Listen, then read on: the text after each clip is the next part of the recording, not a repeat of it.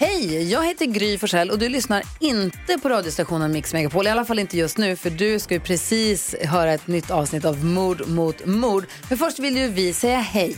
Hej, hej, det här är NyhetsJonas. Det här är Carolina Widerström. Och här är Gullige Dansken. Ja, och så Gry då. Och det vi vill säga att när du har lyssnat klart på den här podden, då får du gärna lyssna på våran. Vi spelar in ett nytt avsnitt varje morgon av våra podd Kvartsamtal.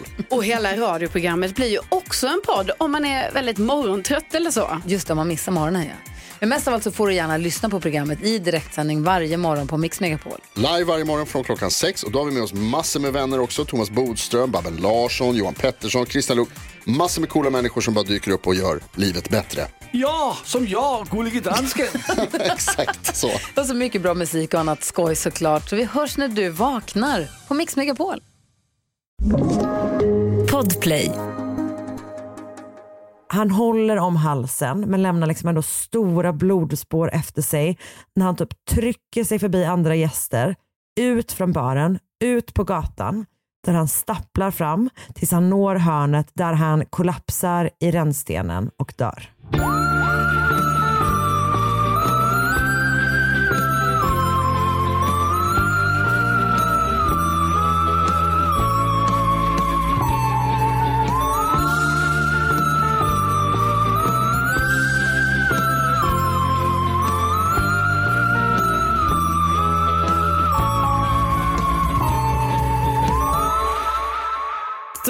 Hälsar vi hjärtligt välkomna till eh, veckans avsnitt av Mord mot mord.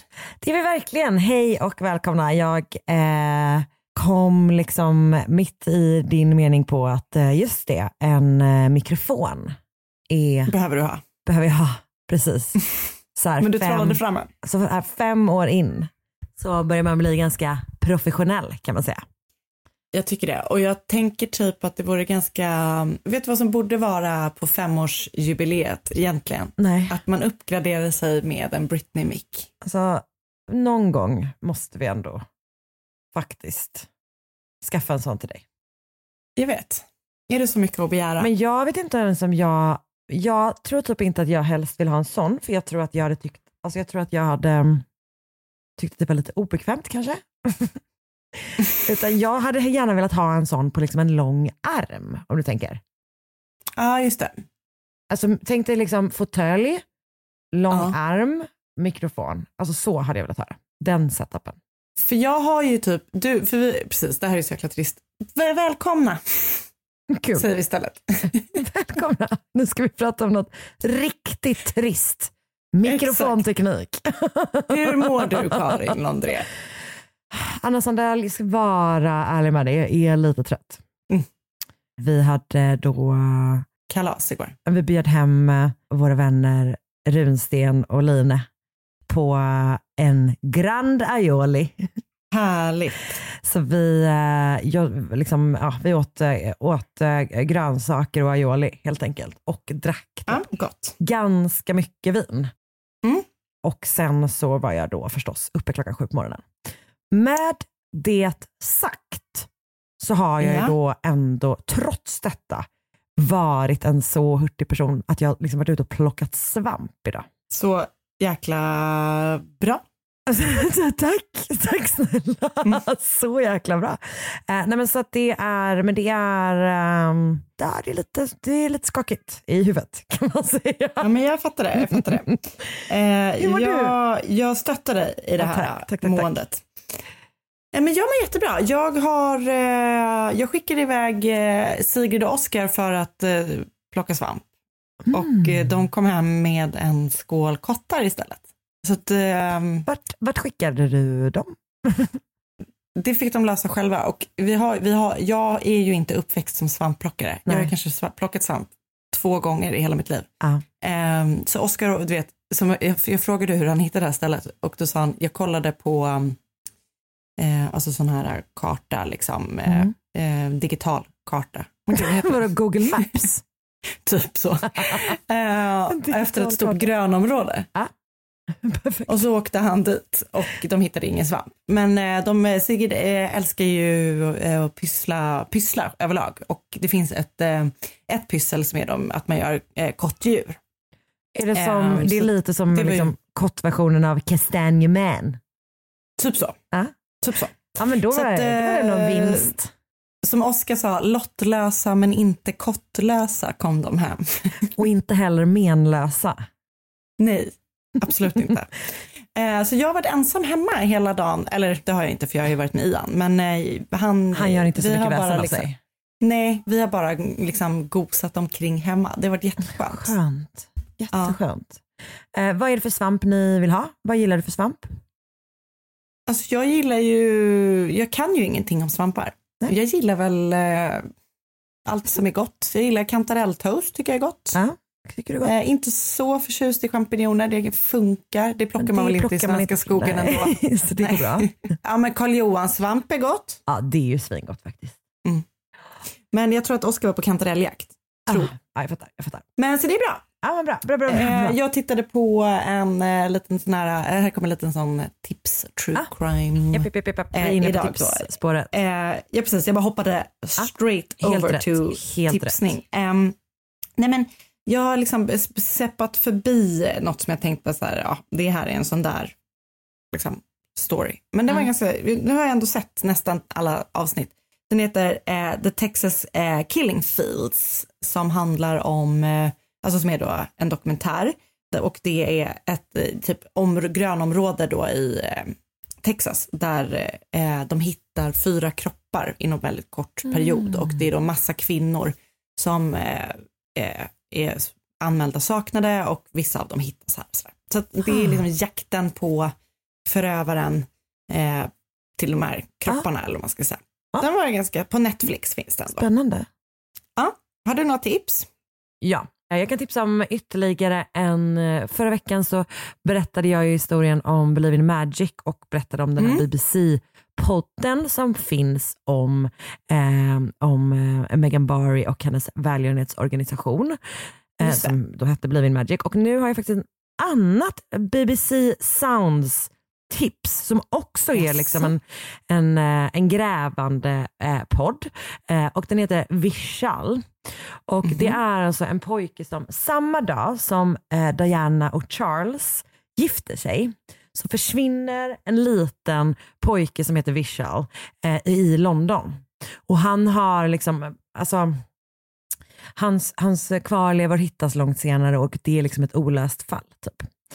Mhm. Ehm, så det är helt enkelt en, und, liksom en utredning av, ah, av det fallet helt enkelt. Och den är jättebra gjord och eh, ja, jag kan, den är liksom en, en välgjord, grävande, klassisk så olöst fall eh, krimpodd-dokumentär.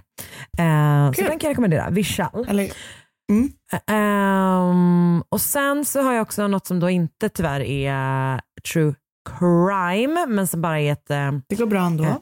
ja, tack. Ehm, för att det, jag, ju- jag tror att jag tidigare har pratat om den här eh, serien eh, som handlar om LA Lakers, alltså basketlaget, Ja, som är liksom en dramatisering Ja, av ja, ja, den historien. Mm. Eh, den har ju kommit en ny säsong av nu. Eh, så det mest sitter jag typ och väntar på att eh, den ska, alltså nästa Gud, vad avsnitt av den härlig känsla. Det är liksom det enda. Ja, alltså verkligen. Pro- Problemet är då förstås att det bara Ja, kommer men det i veckan. Men det har ju, eh, det känns lite Ja, skönt. jag gillar det. Liksom. Eh, men så mest är helt enkelt mitt tips Vishal och eh, så kan man då kolla på den här basketserien om man vill bara ha en god, eh, kul. god serie. Det var det. tack för det. That was it. Eh, ska vi bara... Tack ska du ha. Då hörs vi nästa vecka. Nej. Vi sätter Vi igång. sätter igång. Vi sätter igång Japp. och jag börjar. Japp. Okej. Ett poddtips från Podplay. I fallen jag aldrig glömmer djupdyker Hasse Aro i arbetet bakom några av Sveriges mest uppseendeväckande brottsutredningar. Går vi in med hemlig telefonavlyssning och, och då upplever vi att vi får en total förändring av hans beteende. Vad är det som händer nu? Vem är det som läcker? Och så säger han att jag är kriminell, jag har varit kriminell i hela mitt liv men att mörda ett barn, där går min gräns. Nya säsongen av Fallen jag aldrig glömmer på Podplay.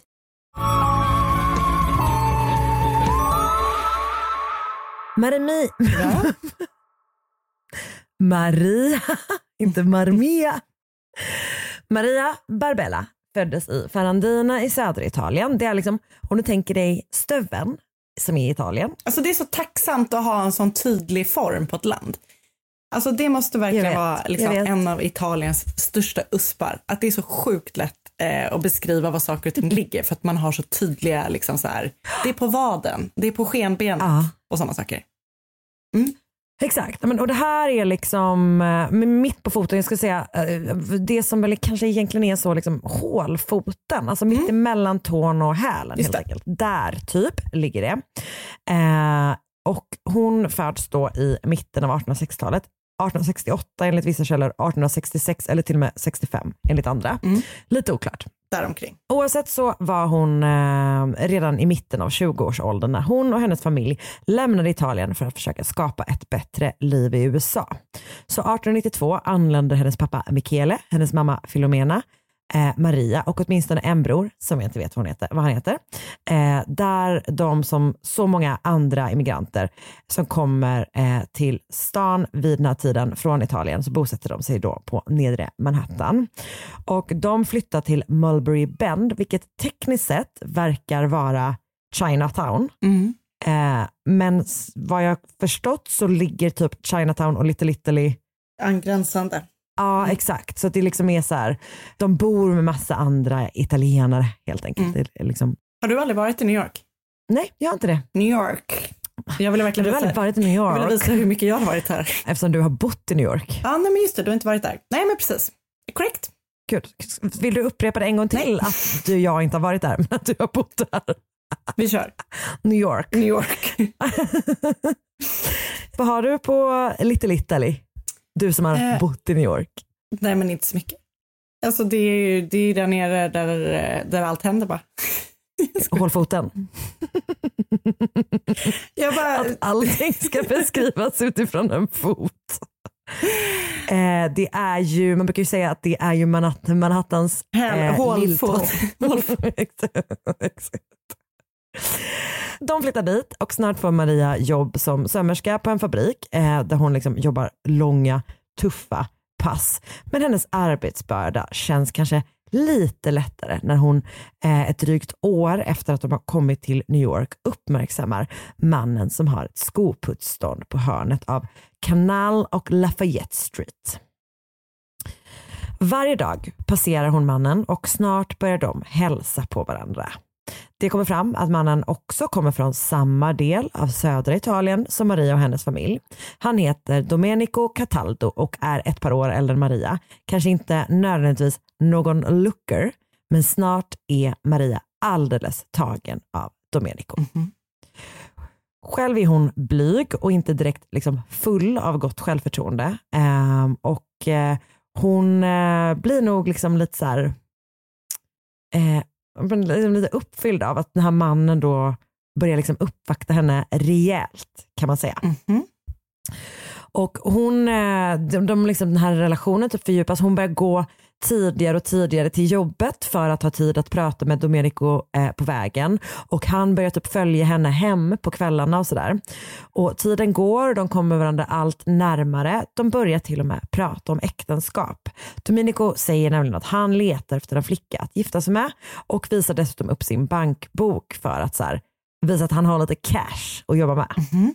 Bra. Mm, eller hur? Verkligen. Bra. Men Domenico, eh, han gör en grej som eh, liksom inte är, eh, är så bra. Han går aldrig in och hälsar på Marias föräldrar. Hon är ju alltså mitten av 20-årsåldern, hon är typ så Alltså du vet 26 år gammal eller någonting. Men hon bor med sina föräldrar och hon verkar som att hon kanske typ håller honom lite hemlig från hennes föräldrar. Eh, de är liksom så strikta katoliker typ. Men Ryktet om att Maria promenerar hem med en man typ varje dag når då förstås Michele och Filomena och Michele förbjuder Maria att träffa Domenico. Och Maria hon är liksom en så väldigt ordentlig tjej. Alltså hon är van att säga, följa vad hennes pappa säger till henne att göra. Ja. Så hon bryter upp med Domenico och börjar ta en annan väg till jobbet. Så ordentlig. Verkligen. Det här håller ett tag, men Domenico ger in, sig inte i första taget. Han börjar dyka upp utanför hennes jobb. Och till en början ignorerar Maria honom, men vårvintern 1895 börjar de ha sällskap hem från jobbet igen. Och en dag tar Domenico med sig Maria till, alltså, du vet det är ett sånt här som är liksom boarding house. Som verkar vara någon slags lit, alltså det är direktöversättningen verkar vara på pensionat. Liksom. Ett boarding house, okej. Okay. Mm. Ja, alltså så att det är liksom någon slags... Eh, alltså ett om det enklare typ hotell kanske, typ. ja, ja, exakt. Eller typ om det kanske till och med är folk som hyr ut i typ sitt egna boende. alltså, Aha, ja, okej. Men ett, ja, ett Mm. enkelt hotell typ. Mm. Ehm, Pensionat kanske inte är och- ett enklare hotell. Det kanske är min tolkning av Jag vad ingen- pensionat är. Det känns typ inte som att jag... Det känns som ett gammaldags hotell. Är det typ så här eh, ett vandrarhem? Nej, men det vem, kanske... vem vet? Men, Hur som helst. ja, precis. Han tar i alla fall med sig henne dit och där ger han henne något att dricka och efter det så blir eh, allt ganska suddigt för henne och han eh, våldtar då henne. Mhm. Maria har förstås eh, som liksom en duktig katolik sparat sig till äktenskapet och nu får hon liksom panik. Mm. Alltså vem ska vilja ha henne nu när han har haft sex med henne eller när han har våldtagit henne. Hon kräver helt enkelt att Domenico ska gifta sig med henne för att make up för det han gjort och han är så här, ja, ab- ja absolut det kan jag göra typ. Men han drar ut på tiden med det där giftermålet och är sjukt undanglidande eh, när Maria pressar på. De fortsätter att träffas och han fortsätter att liksom ligga med henne regelbundet. Det verkar Mhm. kanske som att de bor tillsammans någon period, låter så på vissa källor. Eh, men när Maria frågar när de egentligen ska gifta sig så är han så, alltså han bara, panik. eh, snart, jag måste bara göra det här först. Lite så liksom. Hon blir bara mer och mer desperat och ledsen och som sagt det här bryter ju liksom mot allt vad hennes tradition och religion lärt henne och säger till henne om hur man är typ en, en, en bra kvinna. Och hon vet inte vad hon ska göra. Hon är också antingen 25 eller 27 beroende på eh, vilka källor man Mm. ser till. Eh, vilket ju förstås är en uråldrig Ja. ålder att eh, vara ogift som kvinna. Eh, och samtidigt så blir han då allt mer Mm. avvisande. Så det är som att hon pushar på allt mer och han bara du vet, tar mer och mer avstånd. Typ. Han säger till slut att han inte vill gifta sig med henne. Han blir allt taskigare och till slut bestämmer hon sig för att berätta om vad som har hänt för sina föräldrar. Nej. Eller ja menar jag. Du bara, nej, ljug för dem, be inte om hjälp. Men Marias mamma Filomena träffar Domenico för att ställa allt till rätta. Men när han säger att han kan tänka sig att gifta sig med Maria om de betalar honom 200 dollar är familjen chanslösa. De är en hårt arbetande familj, de har inga sparpengar alls och det vet han Mm. om. Liksom. Alltså det är typ mer som att det är ett sätt att Komma undan. Alltså typ håna dem nästan. Och han blir liksom allt mer hånfull och det värre ska det bli. För plötsligt berättar Domenico att inte nog med då, han har bestämt sig för att han ska flytta tillbaka till Italien. Mhm. Där han är gift och har barn. Åh, Eftermiddagen den 26 april 1895 ska Domenico gå på en båt som ska ta honom hem till sin familj i Italien. Mm. Men innan dess sitter han med några vänner på en bar på East 17th Street och spelar kort. Plötsligt kommer Maria in genom dörren. Hon har fått reda på att han tänker lämna landet redan samma dag och har väl typ så här, hon tänker fråga honom en sista gång om det här äktenskapet som han har lovat henne. Mm. När hon frågar liksom så här, ja, typ, "N- kommer du gifta dig med mig? Typ. Så skrattar han åt henne och säger att bara en gris skulle gifta sig med henne. Men gud. Hon lägger typ handen på hans axel men han puttar bort den. Då tar hon upp någonting ur sin ficka, tar tag i hans hår och med ett liksom bara snitt så Mm. skär hon honom i halsen med ett rakblad. Åh gud. Och sen lämnar hon baren. Alltså där på... Ah, ah. Shit. Alltså mitt i den här baren så har hon, det, det är en rak kniv tror jag. Eh, som hon liksom bara gör ett, snitt typ. Fy. Domenico ställer sig upp. Han håller om halsen men lämnar liksom ändå stora blodspår efter sig när han typ trycker sig förbi andra gäster, ut från baren, ut på gatan där han stapplar fram tills han når hörnet East 13th Street och Avenue A där han kollapsar i rännstenen och dör. Massor av vittnen har ju sett vad Maria har gjort. Liksom. Eh, så polisen hämtar henne kort efteråt. Eh, där hittar de, hemma hos henne hittar de också den blodiga klänningen hon haft på sig under mordet och hon körs till häktet som kallas The Tombs där hon kommer att tillbringa två och en halv månad. Alltså just den här scenen, att han sitter och Alltså- liksom spelar kort på den här baren. Nej, det är så Hon obehagligt. liksom bara, ah, det Går in där. ah. Och just det här stapplandet längs bara, mm. Nej, det, alltså, det är väl det är ju fatta att filmiskt. Sitta där när det där händer. Nej, nej, nej. nej. Usch. Det måste ju också vara så himla mycket blod. Alltså, För att han Ja. verkar som att han, alltså han blöder ju ut jättesnabbt. så jäkla läskigt. Um, Maria erkänner till polisen, alltså hon erkänner mordet, Men men hon berättar också då vad han har gjort mot henne. Um, så det finns liksom vittnen, erkännande och motiv. Det ser inte ljust ut för Maria. Hon får också riktigt rötna advokater. Den, eh, den ena är, det är hans allra första fall. Eh, de träffar också Maria bara kort efter att hon har gripits. Sen pratar de inte med henne igen förrän det är dags för rättegång. De träffar henne en gång innan vi ska upp i rätten. Rättegången börjar den 11 juli 1895. Maria varken förstår eller pratar engelska. Alltså hon, hon är, du vet, det, det är på den nivån att hon behöver översätta det när de typ frågar så här, vad heter du? Alltså liksom, hon, hon, kan, eh, hon kan inte förstå typ någonting av vad som, alltså hon har, hon har ingen språklig chans att förstå vad som, som pågår helt enkelt. Hon har en översättare men den är, verkar inte vara så himla bra på sitt jobb. Eh, och den översättaren, alltså hon håller ju sitt liksom, hon vittnar och det de beskriver typ är att så här, att översättaren är liksom, gör ett riktigt dåligt jobb när han ska översätta hennes vittnesmål. Typ. Ehm, och domaren är också helt öppen med vad han eh, tycker om Maria. Här kommer ett direkt citat. Det här säger han till juryn. Your verdict must be an example of justice. A jury must not concern itself with mercy. The law does not distinguish between the sexes. The fragility of the female sex is sometimes involved to excuse savage crimes. We cannot publicly proc- proclaim a woman guilty, not guilty of killing a man solely because this man has proposed marriage and then changed his mind. Han säger ju uttryckligen typ så här, Alltså, vi måste döma, döma henne. Liksom. det är Eh, så sjukt. Ja, alltså det är verkligen, eh, det är inte typ att det är lite så här guidande utan det är verkligen så här, gör så här. Typ. Your Vad verdict galet. must be an example of justice. Ehm, och delvis då kommer så här hennes, det är liksom italiensk-amerikanska community typ, Ja. de blir ganska snart engagerade liksom i det här fallet och reagerar då delvis på att domaren är så öppet emot henne. Man reagerar också på att juryn består av 12 män men att inte en enda av dem är italienare. Typ. Alltså de är Okej. så här, är det då a jury of your peers? Typ. Mm. Um, juryn kommer i alla fall att överlägga i 45 minuter och sen kommer de tillbaka och eh, är, liksom deklarerar att hon anses skyldig till överlagt mord och döms till döden med elektriska stolen som är en eh, helt ny uppfinning vid den här tiden. Vad sjukt. Eh, det är, en kvinna som har dömts till döden i elektriska stolen innan Maria, men hon fick sin dom, dom eh, omvandlad till eh, livstid.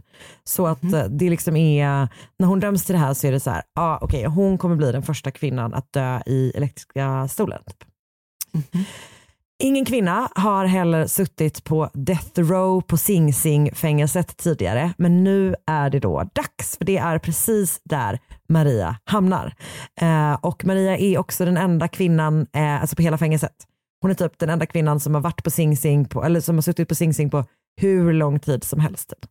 Man Men sätter gud. alltså vakter utanför hennes eh, cell eh, vilket Mm. verkar vara alltså för att skydda henne, typ inte för att hon inte Nej. ska rymma. Typ.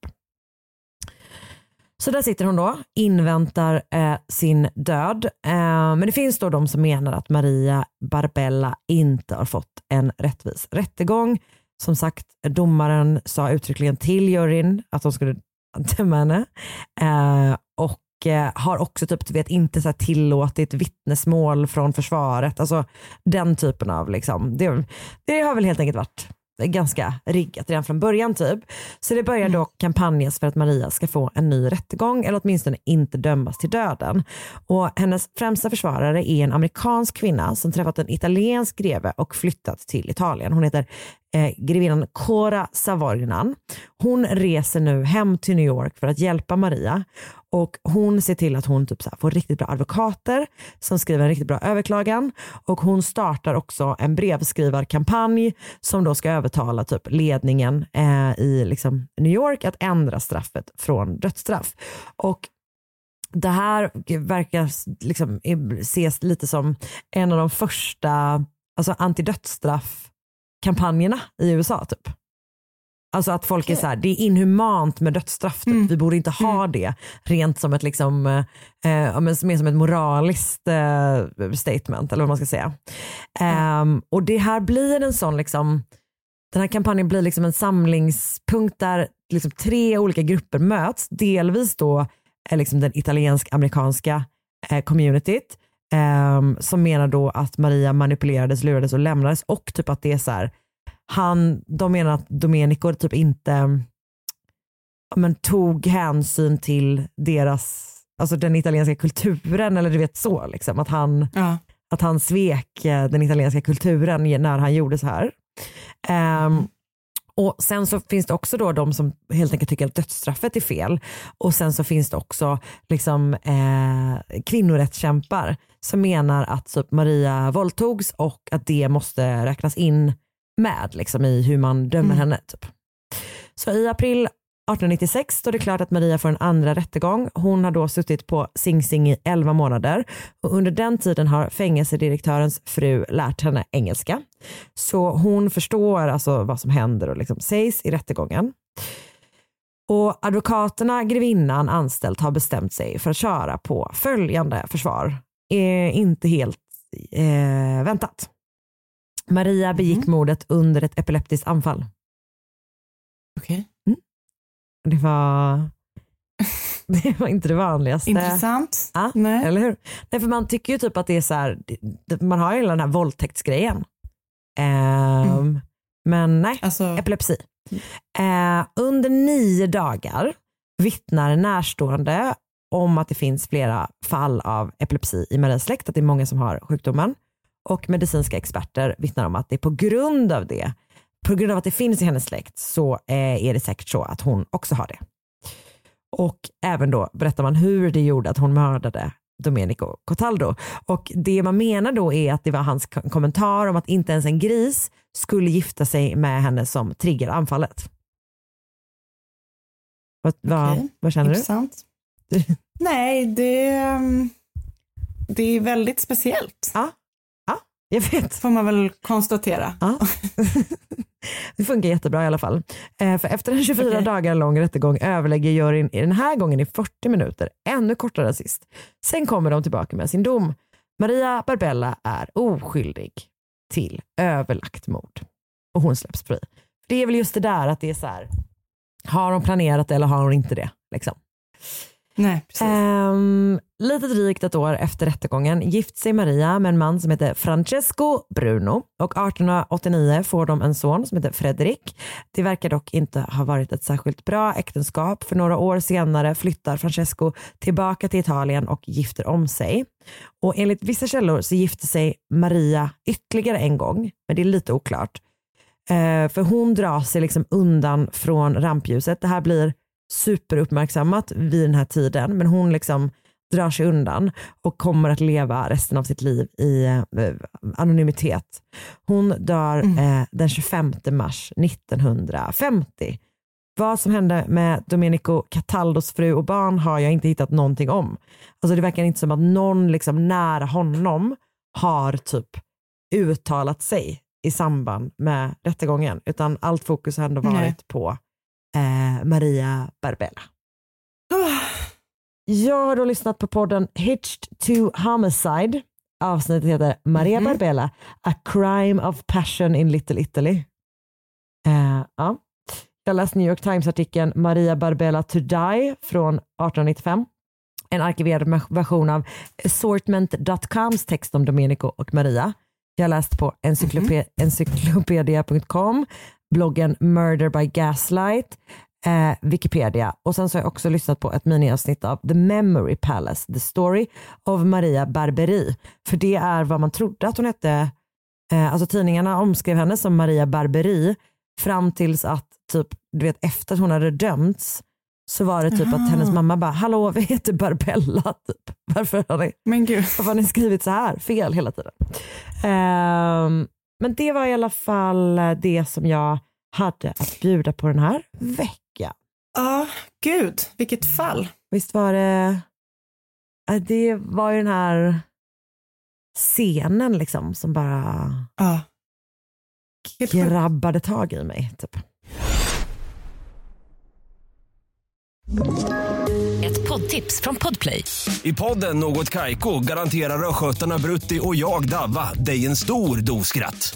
Där följer jag pladask för köttätandet igen. Man är lite som en jävla vampyr. Man har fått lite blodsmak och då måste man ha mer. Udda spaningar, fängslande anekdoter och en och annan arg rant. Jag måste ha mitt kaffe på morgonen för annars är jag ingen trevlig människa. Då är du ingen trevlig människa, punkt. Något Kaiko, hör du på Podplay. Därför är Alltså apropå att man får heta någonting för, för länge eh, om man inte säger till från början. Londreus.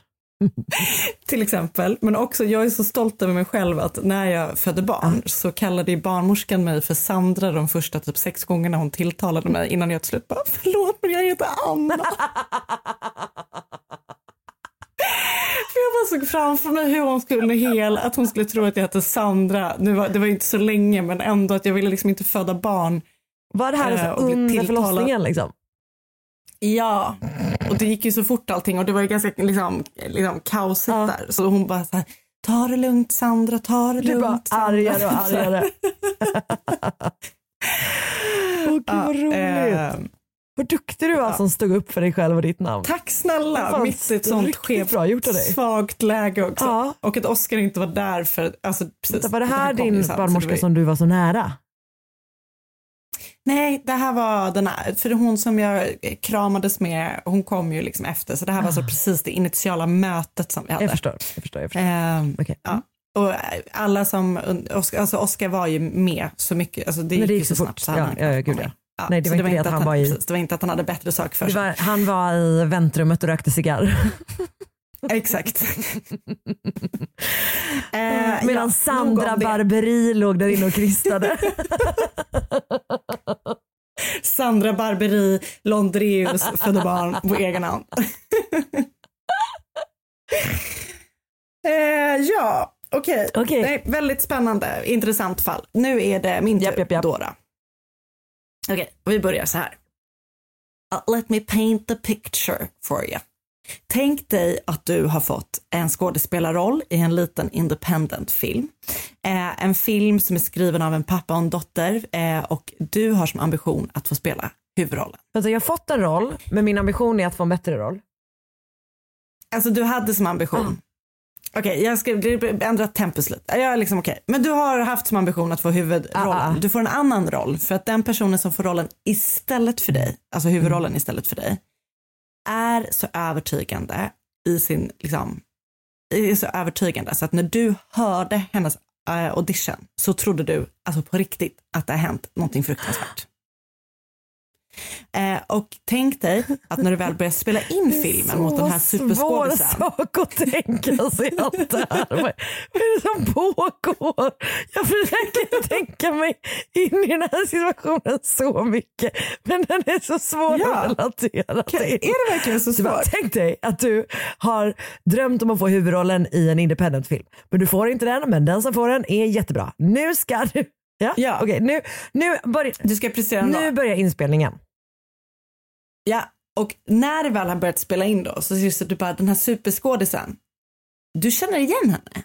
Du tror, eh, liksom det är något bekant eh, över den här personen. Men i din värld så borde den här personen heta någonting helt annat. Och allt det här är liksom ingredienser i dagens fall kan man säga. Sjukt om det inte hade varit det. Du bara, och nog om det, vidare till dagens fall. Hur kändes det när du satte dig in i den situationen? Gud. Okej, nej men i alla fall. I slutet på 2010-talet så skrev en pappa och en dotter vid namn Matthew och Trinity Spickard ett manus till en film som hette From the Dark. Eh, och de hade drömt om det här länge och till slut så realiserades deras dröm då om att få spela in den här filmen. Och det är typ någon typ av så skräck eh, slash thriller som utspelar sig i ett så här rural område i, någonstans i USA. Och eh, filmen handlar bland annat, ska jag säga eftersom jag inte har sett den utan bara läst om den, om en person som mördar en annan person men maskerar själva mordet då som att det skulle vara självförsvar. Mm, okay. Och eh, filmens huvudroll, filmens stjärna, den här kvinnan som då gjorde en sån galet bra audition, ja. eh, heter eh, Win Reed. Win Reed. Hon, uh, hon då fortsatte efter den här superstarka audition där alla var helt amazed fortsatte hon att leverera starka scener under uh. inspelningen. Eh, men det är då en annan kvinna på inspelningen som typ så här. Det är jag då. Gud, jag känner igen henne. Det är jag. Ja. Det är du. Income Karin Londreus. Mm. Och hon tänker, fan vad jag känner igen den här Win. superskådisen. Ja. Men. Är det där Sandra Barberi? exakt. Är det Sandra Barberi? Eller är det Tucker Reed? Alltså hon bara så här, det, det påminner mig så mycket om en person som jag gick i skolan med. Men hon heter ju Tucker. Men varför skulle den här personen utge sig för att heta någonting annat än det som hon egentligen Ja. heter? Så hon är bara så här, "Ah, ja, what the fuck typ. Men så en dag så dyker det en kvinna upp på inspelningsplatsen och den här kvinnan då utger sig för att vara Wins moster och de säger att hon brukar hjälpa Win med att fixa hennes hår och smink. Och då trillar poletten ner hos den här kvinnan, du, som har varit misstänksam att det här är en, egentligen en annan person. För det är den personen hon har trott hela tiden. Det är Tucker Reed. Ja. Och hon förstår det för att den här hår och sminkkvinnan dyker upp. För att, okej, det här är lite så här krångligt egentligen. Men, eller det är inte så krångligt, men jag berättar det lite mer krångligt än vad det behöver vara. För att eh, Winreed har då en hår och sminkös som kommer till platsen. Ja. Tucker Reed hade en hår och sminkös person som är då samma person. Som hon hade i skolan typ? Ja, det är hennes mamma. Ja, det är hennes mamma. Okej. Klass, klassisk hår och sminkperson. Exakt. Ja. Eh, och det är då när den här personen, mamman då, kommer till inspelningsplatsen som den här klasskompisen är bara så här, hallå, varför låtsas ni att ni är några helt andra? Eller liksom, vad håller ni på med? Ja, vad, vad pågår? Ja, så att då visar det sig att så här, Win Reed, filmens stjärna, heter egentligen Tucker Reed. Varför heter hon något annat på inspelningen? Det ska jag berätta om nu då. Lite rörigt intro, men du hänger med ändå. Nej, alltså jag är helt med. Ja, bra. Jag, jag, jag har faktiskt stenkoll. Ja, och Tucker heter egentligen nej, nej, Kärt nej. barn har många namn. Jag kommer kalla henne för Tucker hela tiden, men för hon heter, hon är döpt till Eiling Moore Reed. Men kallar sig själv för Tucker. Hon har lite olika nicks som det heter. Nicknames. Okej. Ja. Hon är årsbarn med mig, hon är född år 1800. Där avslöjade mig själv. Att du är vampyr. Åh, jag är så svettig nu. Att du är en vampyr. Jag är så svettig nu för att jag gör det så krångligt. Tucker.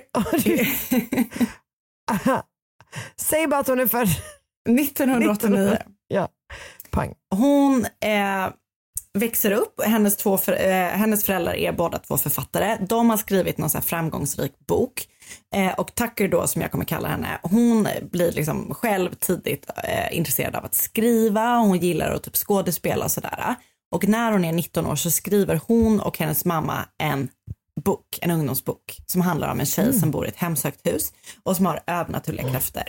Och den första boken heter Amber House och den fick så väldigt fin kritik och de var med i massa tävlingar och sånt. Hon eh, som sagt var väldigt intresserad av skådespeleri och under hela skolgången så är hon med i massa pjäser och sånt där och spelar huvudrollen mycket och hon är liksom ja, bra på det helt enkelt. Ah. Så hon är bra på att skådespela, hon är bra på att skriva. Hon har också arbetat som journalist och hon har drivit en blogg där hon eh, verkar mot, eh, mot mäns våld mot kvinnor och mer specifikt då sexuellt våld mot kvinnor. Frågan då var ju helt enkelt varför hon medverkar i en film under ett helt annat namn än då Tucker Reed. Ja. Och det som alla blir varse om under inspelningen, eh, när det här då uppdagas att hon inte är Win Reed, är att hon är ute mot borgen för hon har blivit liksom precis innan det här, innan inspelningen så har hon varit gripen för hennes morbrors död. Oj. Precis. Så två år innan Tucker börjar spela in den här filmen då, From the Dark, så har det hänt en grej som gör då att hon grips helt enkelt. Och eh, det var nämligen så att Tuckers mormor, Lore, bodde på en stor gård i Oregon där även då Tuckers mamma Kelly, som är då hennes sminkös, Tuckers sminkös, bodde. Eh, och Kelly hade ju varit så en framgångsrik författare. Eh, men trots det så verkade det då som att Kelly hade det lite kärvt med pengar. Alltså Tuckers mamma Kelly. För utöver att Kelly bor på den här gården då, ehm, hos sin mamma, så behöver hon hela tiden få pengar av sin mamma. Så att Lore försörjer typ sin vuxna dotter och hon gör det då genom att typ så här belåna gården och typ tömma eh, sin, sitt konto liksom. Och den här gården där hon bor är ju liksom den dagen som Lore och dör, hennes man har redan dött, eh, så kommer ju liksom den ärvas av alla hennes barn helt enkelt. Så att det faktum då att Kelly bor på gården och dessutom, du vet, får mamman att så här belåna den och tömma sitt konto uppskattas ju inte, av, av hennes syskon. syskon. Nej, och framför allt inte av Shane då, hennes bror, som har bott på gården och tagit hand om först pappan som har gått bort i ALS och sen även mamman då som är ensam och gammal typ. Så han tar hand om, eh, Shane tar hand om Lore, liksom eh, Tuckers mormor eh, och blir skitirriterad på för han tycker då att eh, Kelly, hans syster, Tuckers mamma, är liksom en riktig leech och eh, är bara så här, Ja. vad, liksom, vad håller du på med? Typ. Eh, och utöver då att Kelly och Shane bråkar med varandra så har Tucker och Shane också ett horn i sidan på varandra. I september 2015 så grips Shane efter att han och Tucker har hamnat i något slags bråk. Jag vet inte om det liksom är fysiskt. Eh, han på något vis eh, så har han attackerat henne, menar Tucker då. Och efter det här brå- bråket så ansöker hon och får besöksförbud eh, mot Shane då. Så att det är liksom dålig stämning i, på den här familjegården. Liksom. Och i juli 2016 så blev en kvinna vid namn Carla Triber eh, kallad eh, till gården av Shane. Eh, hon arbetar som notarie och han önskar hennes hjälp med att uppföra något slags dokument som han hoppades liksom skulle få slut på det här tjafset mellan Kelly och honom själv. Japp. För han vill då att mamman ska skriva över gården på honom själv och Kelly och att den då ska splittas 50-50 så att du vet så här, det är liksom det blir en handling som visar tydligt att jag äger 50% och Kelly äger 50% så kan du typ sluta tömma liksom. Nu slipper vi bråka mer om det här. För... Exakt så. Och den här notarien då tror väl att det är liksom är ganska straightforward grey, grey. Eh, men när hon kommer upp på gården så blir det liksom allt annat än straightforward. För det första så är då Shane inte i huset där mötet ska pågå för att eh, han är ju ålagd liksom besöksförbud. Eh, mot, liksom, han får inte vara i närheten av Tucker. Så istället så möts hon då av Kelly, Tucker och Lore inne i huset medan Shane vankar liksom av och an utanför huset. Sen visar det sig då att Kelly och Tucker inte alls är med på noterna att huset ska splittas, att deras liksom, mamma slash mormor ska skriva på det här pappret. de var snarare av uppfattningen att så här, de kom för att hjälpa, att den här notarien kom för att hjälpa dem att upprätta ett testamente där, eh, ja, så. Men när de förstår att det inte är så, så blir de helt sjukt upprörda. Kelly proklamerar då att Lore, alltså hennes mamma, aldrig kommer skriva under ett sånt här papper och sen så river hon sönder pappret. Och du vet, hon gör det så här väldigt demonstrativt. Typ så här, She's not liksom. signing it och typ river det så att tjej, du vet, ut mot fönstret så att tjejen ser typ att så här, det här går inte alls verkligen hans plan typ. När han då förstår att det inte liksom går som han tänkt sig där inne så börjar han liksom gå mot huset. Typ. När han går mot huset så ser den här notarien, Carla, hur Tucker närmar sig köksbordet, plockar upp någonting som typ legat under en tidning eller servett eller någonting sånt. Och sen går hon då bort till dörren, ytterdörren och säger till tjejen så här, du får inte komma in här. Du vet, skriker det. Och, eh, och sen så hör hon då ett skott. Mm. Och den här notarien blir ju skiträdd såklart. Hon är liksom ute på ett uppdrag någonstans i, ute på landet och du vet så här, helt plötsligt börjar de skjuta på varandra. Så hon försöker vara typ så här till Kelly då, Tuckers mamma var så här, gå och hämta pistolen, typ ni måste så här, hon kan skjuta sig själv, hon kan skjuta oss, typ du måste gå och hämta pistolen. Eh, men Kelly gör typ ingenting. Så Carla ringer till polisen eh, och berättar vad, vet så här, det har skjutits här och berättar typ vad hon är. Och vid första chans så, så sticker hon från huset. Och hon får total ångest av att dra för när hon lämnar huset så ser hon då att Shane ligger skjuten eh, utanför huset. Men hon du vet bara är så här, typ get me out of here så att inte hon själv blir skjuten typ. För att hon blir också rädd då för typ så här hur Kelly reagerar, att hon typ inte blir rädd och jag bara så gud vi måste göra någonting. Alltså du vet Japp. att det, hon tycker att allting är Obehagligt, ja. jättekonstigt Ah. där uppe helt enkelt. Ja. Eh, Så polisen kommer ju upp såklart till det här huset och när de förhör då Kelly och Tucker om vad som har hänt så säger de då så här, vi har bott hemma hos Lore, alltså mamman slash mormor, för att se till att hon får skydd från Shane. Eh, De menar då att han har sålt Mariana och att han utnyttjar då sin gamla mamma för att få pengar. Eh, Och att du vet, han är helt opolitlig och sådär. Att han behöver, att mamma, alltså gam, ma, mormor och mamman behöver då skydd helt enkelt från sin son. Eh, pistolen som Shane sköts med eh, sa Tucker och Kelly att de hade hittat hemma, att den hade tillhört Kellys pappa och att de ville då att Kelly skulle ha den för att kunna försvara sig mot Shane eh, om det hände någonting för han hade då liksom varit aggressiv och hotfull mot dem. Eh, och de säger då att så här, han hade varit våldsam under eh, det här besöket där när notarien var på besök, att han hade varit våldsam och försökt ta sig in i huset. Eh, och när poliserna då frågar Tucker om vad som har hänt när tjejen sköts så säger hon bara typ så här, jag minns ingenting eh, på grund av liksom tumultet, men, men det, han var liksom aggressiv, försökte ta sig in i huset och sen var det som att pistolen bara gick av. Typ. Mm. Eh, det visar sig sen att ett skott har avlossats tidigare samma dag uppe på gården. Shane har ringt polisen eh, några timmar innan det här har skett för att berätta då att han har hört ett skott. Och i samtalet till polisen så säger han eh, att han väntar på en notarie som ska hjälpa honom med pappersarbete om gården. Och så säger han typ så här, jag vill inte ha några problem när det här sker, men jag vill att ni ska veta att jag har hört ett skott. Typ.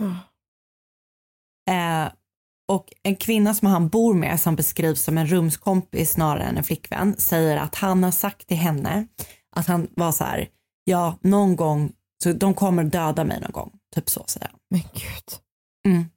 Och det här skottet då, när, när, som har hörts tidigare samma dag, eh, när polisen frågar Tucker om det så berättar hon att hon ville bara här, testa om pistolen funkade typ.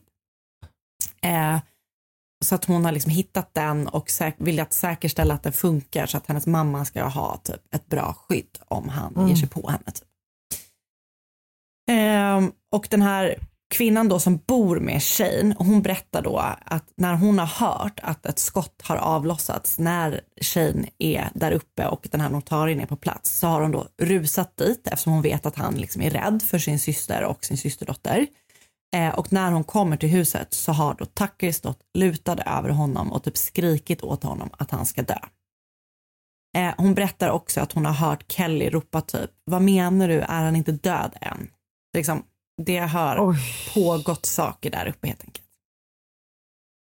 Den här notarien då som var på plats vittnar om att Shane inte var våldsam utan att han höll sig på sin kant under hela tiden och sen när då Kelly och Tucker blivit upprörda över det här liksom, typen av papper som ska upp, liksom, uppföras eh, så har de typ rusat ut mot Shane. Han har typ gått mot dem när han har förstått att det inte går som det ska och de har istället typ så här, rah, blivit helt galna typ och vet, så här, rusat ut mot honom. Eh, Tucker grips då för dråp men betalar borgen eh, och går fri dagen efter hon har gripits. Eh, under tiden hon är ute mot borgen så spelar hon då in den här filmen From the Dark eh, under namnet Win Reed. Men alltså, det är helt sjukt. Ja, det är helt sjukt. För den här filmen handlar alltså om att döda någon och få det att se ut som självmord. Eh, själv, inte självmord, självförsvar. Ja, exakt. Och det är precis det då. Och det är det som Ja. alla tycker är så skrämmande. Bara så här, alltså, hon behöver typ inte ens spela för det är precis det hon har gjort. Eh, liksom bara några år tidigare. Så det var alltså inte bara hennes talent. Nej, det är det som då folk tycker menar här, när de får reda på det. Men och anledning till, alltså hon har ju, och du vet så här, hon söker då under ett annat namn för att om de typ googlar henne så kan de kanske, alltså Tucker Reed eller Eileen Reed så kan de kanske liksom se det då. Men de har liksom inte råd då eftersom det här är en liten indiefilm så gör de ju liksom inte några så här riktiga De gräv. har inte råd med Google. Nej. Då vet man Nej, att det är men- fucking indie alltså. Nej men exakt, såklart Nej, att de inte de- gör någon de värsta liksom- background check typ. Nej. Exakt så. Nej. Så att hon, men det är ju liksom helt galet att du vet så här, hon kommer ut på borgen och det första hon gör typ är att här, bara, nu ska jag bli skådespelerska. I den här filmen. Ja, helt sjukt. Och utöver den här filmen så har hon också huvudrollen i en pjäs som går liksom spelas under ett Ah. antal månader. Och alla som liksom har jobbat med henne vittnar om att hon är jätteduktig skådis men att hon är typ väldigt jobbig att ha att göra med. Att hon är så här my way or the highway Ah. ganska mycket typ. Det känns i och för sig on-brand skådis. Verkligen. Så, att det passar ju även det. Men kanske inte typ i en sån Nej. liksom så små produktioner. Nej, Eller så är det typ de som är värst för att de Alltså. är bara så här, verkligen sant. I'm making it big typ. Eh, men så, da, så att det är liksom så här, hon spelar huvudrollen i en film som hon typ har haft, typ är hennes liv. Ehm, men så dagen efter de har filmat färdigt From the Dark så grips Tucker igen. Och den här gången grips hon för mordet på sin morbror. Så det är två år efter han har blivit skjuten ungefär. Ah. Eh, för under tiden som Tucker har varit ute då och satsat på sin skådespelarkarriär, eller vad man ska säga, så har polisen fått en videoinspelning som är filmad med Tuckers telefon från själva skjutningen.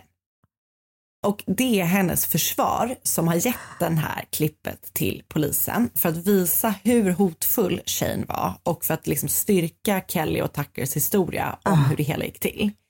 Men det filmen visar gör precis det motsatta. För istället så styrker eh, filmen eh, Shanes rumskamrat och notariens berättelse eh, om att Shane helt oprovocerat blir skjuten. Eh, och att Kelly och Tucker agerar väldigt märkligt. Ja, alltså det är så konstigt. Och det finns eh, liksom utdrag från den här, eller jag har sett delar av det här. Och det är typ så här, det är som att de filmar det för att de vet att de vill att det ska styrka deras berättelse sen, om du förstår vad jag menar. Ah, för de är ah. typ väldigt mycket så här, he, this man, Shane, has been very aggressive towards this woman, my mother. Alltså att du vet, det är väldigt så här, Ah. Ja, det de är lägger upp övertydligt. det för att det ska Så funka. bra skådis var hon helt enkelt inte. Nej, och i filmen så hörs han typ också säga typ så här när han kommer mot dörren så är han typ helt lugn och bara så här what's wrong Kelly? Och det är typ att de bara don't get in here. Alltså du vet att det verkligen är så här, Ja. alltså det är helt galet uppgjort liksom. Eh, Så hon grips då eh, för mord och den här gången beviljas hon inte borgen. Eh, Så hon sitter inne från liksom någon gång i slutet på 2018 och i väntan på en rättegång. Ah. Men i maj 2020 så erbjuds hon istället en, liksom en, någon slags plea deal där hon då ska erkänna sig skyldig till dråp av andra graden, vad det nu kan tänkas heta på Mm. svenska, eh, för, liksom, i utbyte mot en lägre dom.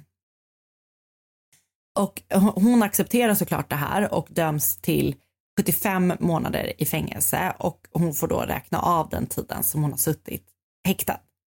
Så i november 2024 kan hon alltså då släppas fri. Men gud! Ja, så snart. Och folk spekulerar i då varför hon erbjuds den här dealen. Och eh, vissa tror då att eh, det handlar om att det var covid typ och att de hade, du vet, att det blev så mycket backtracking. Ah, så de behövde typ alltså, bara- vet, att de var bara så här, Ja. let's få det här ur världen typ. Eh, men så, så du vet, det finns liksom, hon var åtalad för mord, det finns tydliga bevis om, och det, eller du vet så här, det, ja, folk som är nära Shane då är väldigt upprörda över eh, hur det hela liksom Ah. av, avslutades i rätten helt enkelt. Huh. Och man får ju se vad hon, vilket namn hon väljer att ta när hon kommer ut och eh, om hon fortsätter att satsa på sin skådespelarkarriär. För 2024, alltså hon är inte så gammal då. Hon kommer komma ut som 35-åring Ah, jävlar, typ, om hon får komma ut då. Ja, Jag är inne på hennes IMDB. ah, är du det? Eh, Och även Kul. på eh, From the Darks IMDB. Den har eh, två och en halv i betyg. Eh, Mm. Här vill, du höra en, vill du höra en recension? Gärna. Okay. I en- this I endured for 40 minutes and I have massive regrets. It's the most boring film I have seen in a very long time. How it got past the cutting room floor amazes me. The only thing that really surprises me is all the high ratings. I am thinking maybe all the high ratings are from those involved with the film itself. The acting was poor, the story had no focus, the music was poor, and how is this listed as a horror? I've seen scarier cartoons. Steer clear of this at all costs. Save your money. Bra. För jag har bara sett trailern och bara den är Vad starka scener eller? poorly done också. The music was poor. Men, jag, men hon har också, på hennes IMDB, hon har, hon har ju delvis det, att hon spelar Valerie Fawsty from the Dark. Exakt. Men sen har hon också varit additional crew på en film som heter Vampire Camp. Yeah. Nej, men, Så det var eh, nog ganska bra. Det går ganska bra och det känns ju som en sån kvinna troligtvis kommer försöka ge sig i kast med eh, en till film när hon kommer ut. Men helt absurt att, liksom, att, att, att kunna att liksom döda en person, uppenbarligen planera det så mycket, uppenbarligen hålla på att försöka rigga bevis redan under tiden man gör det, vilket ju räknas, måste ändå räknas som Ja, liksom, överlagt och ändå sitta så jävla kort. ja helt galet. Helt absurt. Det var mordet på Shane eh, Moore eh, och eh, det lite snurriga berättandet om, av mig om eh, Tucker Win Eileen Reed Moore. Jag tycker att du tog det konstnärliga friheter och jag uppskattade det. Lite för Det bra. mycket. Jag tror inte jag ska göra det nästa gång. Nej, mer, mer nästa gång. Mer. Nästa, alltså nästa Ah. gång tänker jag kanske musikalavsnitt. Jag inser det, jag är inte så bra på dramaturgi. Jag ska hålla mig lite mer straightforward nästa gång. Nej, fast Anna, där vill jag verkligen hålla, säga emot dig. Jag tycker att du faktiskt är väldigt bra på dramaturgi. Okej, tack. Nej, jag skojar alltså inte. Jag tycker verkligen det. Okej, Jag vill men, det, men det, det blev för Det är viktigt för mig att du vet det. Ja, tack snälla. Men jag, jag vet kände det. själv idag att det blev lite, it all made sense i mitt huvud. eh, bear with us. Nästa vecka Japp. ska jag vara lite mindre snurrig, lite mer to the point. Och Karin kommer vara amazing as always. Eh, Alltså och, nästa ehm, vecka kommer jag vara riktigt snurrig. Jag hoppas det. Jag hoppas verkligen att du kommer vara det. Och, Det eh, kommer jag, jag har ett ganska snurrigt fall faktiskt. Okej. Skönt. Okej, men vad är dina källor? Ja, ja, ja, sorry, sorry. Den viktiga lilla detaljen. Bra Karin. Jag ville bara lämna det här illa kvickt. Men det ska jag såklart berätta för dig. Eh, jag har sett ett avsnitt av Dateline som heter Killer Roll. Eh, väldigt liksom, tydligt berättat om man vill veta mer. Eh, det finns ju också som en podd som man kan ha i sina öron. Eh, sen har jag lyssnat på ett avsnitt av podden Twisted som heter Tucker Reed. Jag har läst diverse Wikipedia-sidor. Jag har läst en artikel med rubriken Actress who played killer in horror film Shoot Uncle under similar circumstances på Oxygen skriven av Benjamin H. Smith. Så jag har läst Who's Who in Killer Role på NBC och eh, Really Convincing Actress in Low Budget Horror Film Where She Shot a Man Dead is Arrested Days Later for Killing Her Uncle in Insanely Similar Manner på, Förlåt, på The Daily Mirror skrivet av Harriet Johnston. Jag fattar typ inte ens varför de skriver artikeln. Det räcker ju fan med, de får ju med allt i rubriken. Alltså deras rubriker är bäst. Men eh, så var det. Tack för det. Så var det. Eh, och vi kan ju fortsätta säga att snart kommer vi berätta jätteroliga saker för er. Ja, snart, snart, snart. Och gud, Ja. Vi är verkligen såna störiga Ja. influencers som bara, snart nu har vi något jättespännande att berätta. Jag ska, typ skicka, de- jag ska skicka ett jätteroligt klipp till dig som vi ska lägga upp i gruppen. För det är precis Ah. om hur influencers är med their secret projects. Ah, jätte, jättebra, skicka den till mig. För nu, jag har ju, eh, från och med nu så kommer jag länka våra tips och lägga lite bilder och sådär i Facebookgruppen Mord mot mord podcast. Och eh, då kommer jag också lägga upp det där där, tänker jag. Så mysigt. Det blir skitbra. Okej, Vi hörs! hej då! Hej då! Podplay, en del av Power Media. Ett poddtips från Podplay. I fallen jag aldrig glömmer djupdyker Hasse Aro i arbetet bakom några av Sveriges mest uppseendeväckande brottsutredningar. Går vi in med hemlig telefonavlyssning och, och då upplever vi att vi får en total förändring av hans beteende. Vad är det som händer nu? Vem är det som läcker? Och så säger han att jag är kriminell, jag har varit kriminell i hela mitt liv men att mörda ett barn, där går min gräns. Nya säsongen av Fallen jag aldrig glömmer på Podplay.